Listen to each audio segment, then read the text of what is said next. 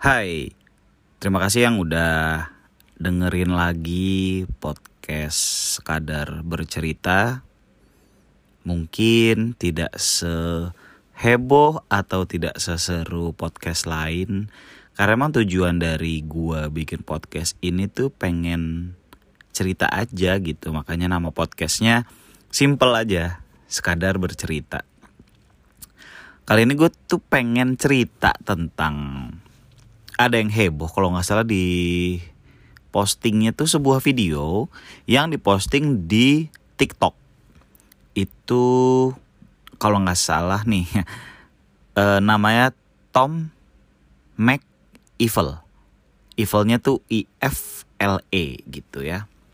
Dia tuh ngebahas tentang karyawan yang katanya sering izin sakit gitu ya yang dia bilang gini, kebanyakan orang yang dikit-dikit izin sakit, dikit-dikit izin sakit, dia bilang kebanyakan orang yang kayak gitu tuh tidak benar-benar sakit.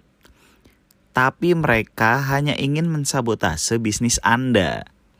Itu kata si Tom ini nih, gue gak tahu nama aslinya siapa. Si Tom ini kayaknya memang bukan sosok pemimpin yang disukai oleh karyawan-karyawannya ya. Karena gimana ya? Cara dia ngomong sih ya seperti orang berpendidikan ya. Tapi kenapa cuma cara ngomong bukan cara berpikir ya yang ikut berpendidikan gitu. Gua pernah kerja di sebuah instansi pemerintah walaupun sebagai outsourcing ya. Jadi statusnya itu pegawai outsourcing. Tapi gue dari staff selama lima tahun gue kerja di sana, nggak pindah-pindah gitu. Hanya yang berbeda tuh, jadi dulu itu gue karyawan kontrak di instansi tersebut. Setelah setahun berubah jadi karyawan outsourcing Nah di outsourcing itu cuma sekitar berapa bulan dengan PT yang pertama. Setelah itu kayaknya kalah tender. Nah kemudian berganti dengan outsourcing yang baru gitu. Nah dari outsourcing tersebut beberapa tahun sampai gue resign itu tidak ganti-ganti. Dia menang tender terus di tiap akhir tahunnya gitu. Gue bermula dari karyawan, staff ya. Semua semua sih karyawan ya. Gue mulai dari staff, naik jadi senior staff, naik lagi jadi supervisor. Kalau di kantor gue waktu itu yang under outsourcing, mentoknya sebagai supervisor aja. Jadi di atas gua itu langsung pegawai instansi pegawai tetap instansi tersebut gitu waktu gue jadi supervisor gue punya staff sekitar 13 orang kalau nggak salah. Itu ada yang staff ada yang senior staff juga gitu. Jadi saat itu bisa dibilang ya gue memimpin 13 orang di tim gue gue tahu maksudnya gimana rasanya menjadi di di supervisor itu juga gue meras gue merasakan jadi bawahan dan merasakan jadi atasan gitu. Tapi yang gue percayai adalah saat gue jadi supervisor itu, gue supervisor yang menyenangkan. gue gak tau ya sepede itu ya. Uh, tapi sebenarnya gue gue cukup cukup keras ya saat itu ya dengan dengan bawahan gue dan bukan keras sih tegas lah gitu ketika gue harus tegas gue gua akan tegas gitu. Apalagi menyangkut pekerjaan gitu. Tapi ketika pekerjaan mereka udah selesai selesai dengan baik ya lo harus puji mereka gitu. Apalagi jika melebihi ekspektasi yang seharusnya gitu. Kalau mau puji mau puji aja gitu. Tapi jangan berlebihan gitu. Maksudnya adalah si bapak Tom ini Tom Evil kayaknya emang dia evil ya. Harusnya bukan bukan tulisan evil kayak tadi itu tapi evil emang emang setan kali ya. Gue tahu gimana rasanya menjadi seorang pemimpin dan gimana rasanya jadi bawahan gitu. Maksudnya biasanya tuh orang keluar resign dari sebuah pekerjaan tuh bukan karena dia sudah tidak menyenangi pekerjaannya. Bukan dia tidak apa ya udah nggak fokus lagi kerja udah bukan tawaran kerja yang lain lebih besar. Nggak selalu tentang itu gitu. Tapi banyak juga nih kebanyakan nah yang yang gue kutip dari si bapak Tom itu kebanyakan orang keluar dari pekerjaannya itu karena bosnya kagak enak, nggak asik gitu, ngeselin gitu yang bosi banget gitu. Makanya ada sebuah statement kalimat kalimat lah ya. Itu bos itu kerjaannya nyuruh-nyuruh aja gitu. Kayak lo tuh harus gini, lo tuh begini, eh lo tuh ngerjain ini, lo tuh ngerjain ini gitu. Sedangkan kalau pemimpin biasanya adalah yuk kita kerjain gitu. Jadi bedanya bos adalah ya bos sih nyuruh-nyuruh aja gitu. Dan beberapa case yang pernah gue temuin, yang pernah secara langsung ya atau dari teman-teman gue banyak yang kayak gitu, yang memang ketika timnya bos nih ya, yang tipikal bos, ketika timnya bagus kinerjanya, yang dipuji ya si bosnya doang gitu, yang dapat bonus atau apa bosnya doang gitu. Ada ada ada ada ada yang kayak gitu gitu. Benar-benar bosi gitu yang ketika yang capek anak buahnya yang nerima spotlight yang nerima apa ya uh, pujian bonus itu bosnya doang gitu anak buahnya paling cuma ditraktir makan gitu itu bos biar ya ya bosi gitu bener-bener um, bukan kerja bareng sama timnya gitu. Sedangkan kalau pemimpin kan biasanya akan dikerjakan bersama-sama gitu. Karena apa? Karena tim. Walaupun ada satu pemimpin, dia ingin memastikan timnya itu kompak gitu. Teamwork. Bener-bener semua mengerjakan sesuai desk jobnya gitu. Si pemimpin ini yang mantau dan juga membantu siapa yang membutuhkan bantuan gitu. Kalau dulu gue waktu di instansi pemerintah tersebut, gua, seharusnya gue waktu itu jadi biasanya di tiap uh, hari itu di tiap pagi gue akan mensortir job um, apa aja yang akan dikerjakan oleh anak buah gue gitu. Bukan gue yang nyortir sih, gue ngecek gitu. Misalkan si A, B, dan C ngerjain apa, karena desk jobnya sama DEF ngerjain apa dan dan lain sebagainya gitu gue akan ngecek gitu dan biasanya kalau yang bisa gue kerjain akan gue kerjain juga gitu gue kan nggak mungkin cuma mantau doang gue nggak bisa gitu apa yang menurut gue ini kayaknya harus gue kerjain langsung nih tuh dan dan ini perlu perhatian yang detail nih untuk data-data ini gitu. Karena biasanya waktu gua kerja saat itu semua kerjaan anak buah gua, c anak buah, kerjaan staff gua dan senior staff sebelum gue setor ke atasan gua atau ke yang lain itu lewat gua dulu. Jadi kalau misalkan nanti ternyata ada yang salah gitu. Kalau kesalahan minor gitu, paling gue gua beresin dikit tapi gue kasih note gue kasih tahu ke dia gitu. Kalau ternyata uh, banyak nih yang perlu diperbaikin gue balikin lagi gua tapi gue kasih tahu gue kasih note apa yang harus lo baik perbaikin? Lo tahu nggak cara perbaikinnya? Kalau nggak tahu gue gua kasih tahu nih gitu. Karena gue harus ya ilmu kan ilmu tuh harus dibagi nggak bisa dikip sendirian gitu. Jadi kalau misalkan staff kita ngerjain dengan baik itu memudahkan kita juga kan gitu. Dan ketika ada yang udah ke gua dan ada yang salah ketika gue setor oke okay, gue yang gue yang terima omelannya gue yang terima uh, kesalahan itu gitu. Karena apa? Karena kan dari anak buah gue udah ke gue harusnya di gue tuh udah beres gitu tapi kalau misalkan masih salah oke okay, gue yang gue yang salah gitu. Tapi gue akan kasih tahu gue gue kasih tahu ke anak buah gue gitu. Ah ke anak buah lagi gak enak banget ya. Maaf ke staff gue gitu. Karena ini kerja tim gitu loh nggak cuma sekedar nyuruh nyuruh doang gitu. Dan biasanya saat itu staff gue kalau dia tahu kerjaan gue banyak mereka bakalan ambil alih nih.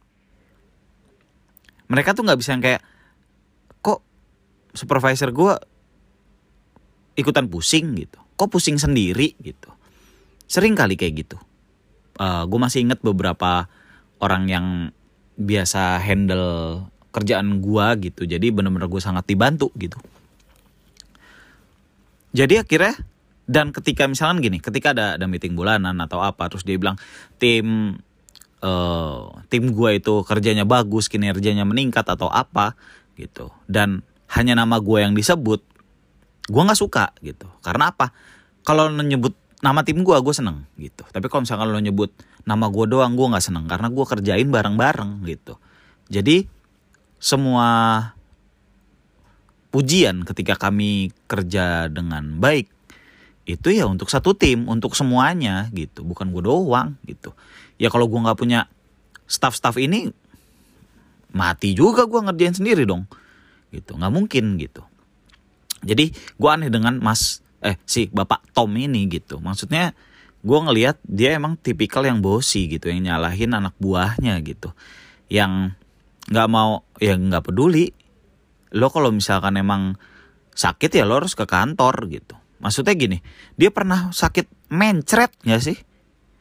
Diare gitu, yang dia kan nanya ya, kamu bisa bangun nggak? Kamu bisa e, berdiri nggak? Bisa jalan nggak? Bisa e, bawa motor nggak? Kalau bisa semua ya ke kantor gitu. Yang dia menganggap bahwa apa sih lo sakit gitu.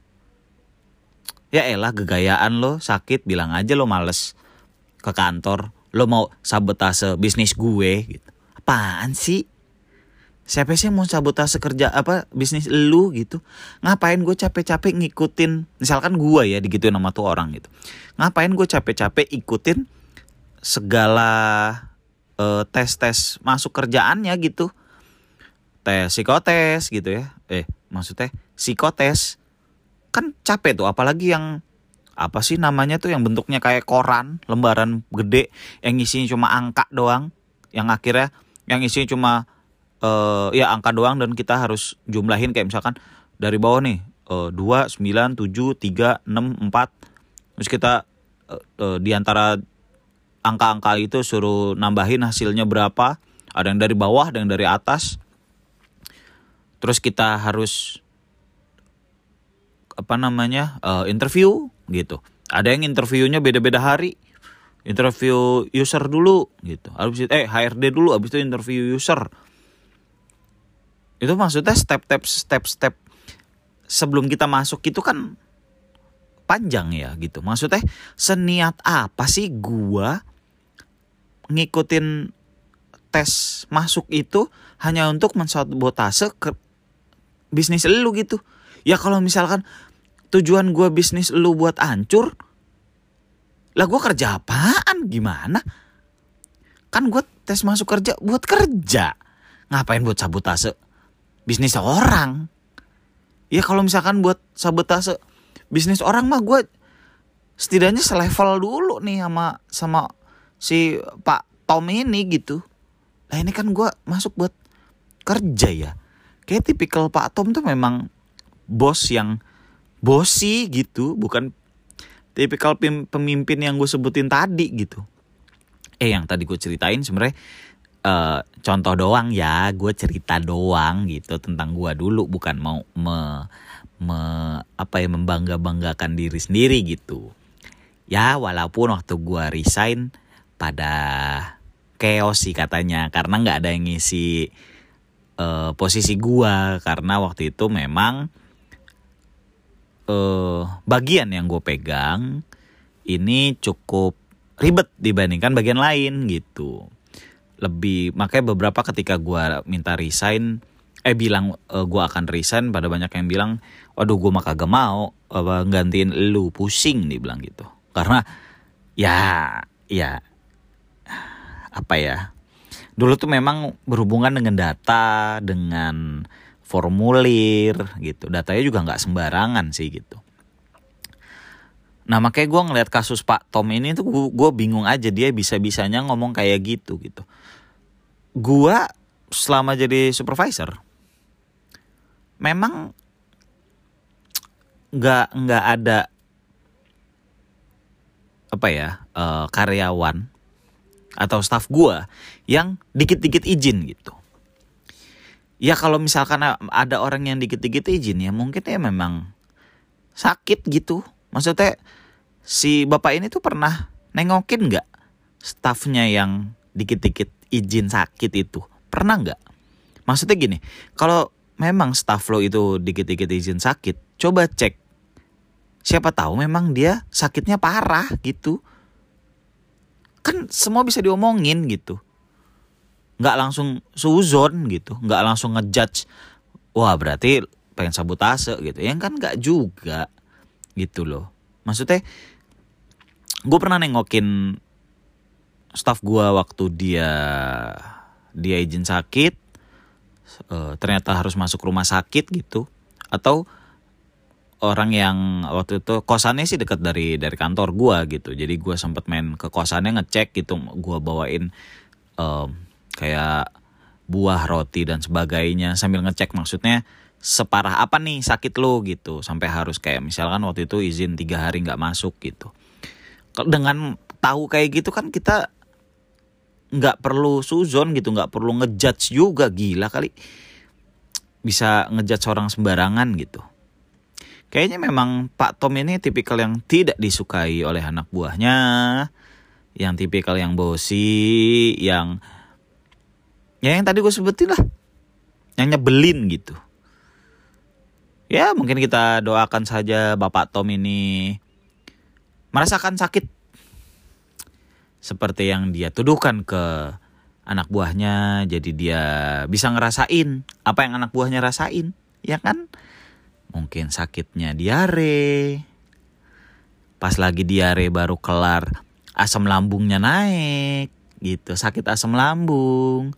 Asam lambungnya uh, sembuh abis itu dia kena vertigo Abis itu vertigonya mendingan dia kena.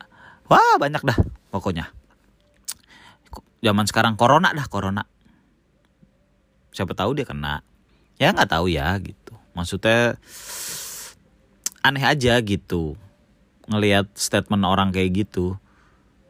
Kayaknya si bapak Tom ini belum pernah ditampol sama anak buahnya kali ya gue kalau punya anak buah kayak eh anak buah. Punya apa atasan kayak gini mah gue samperin. Sebel gue soalnya. Beneran dah. Tapi ya semoga tidak.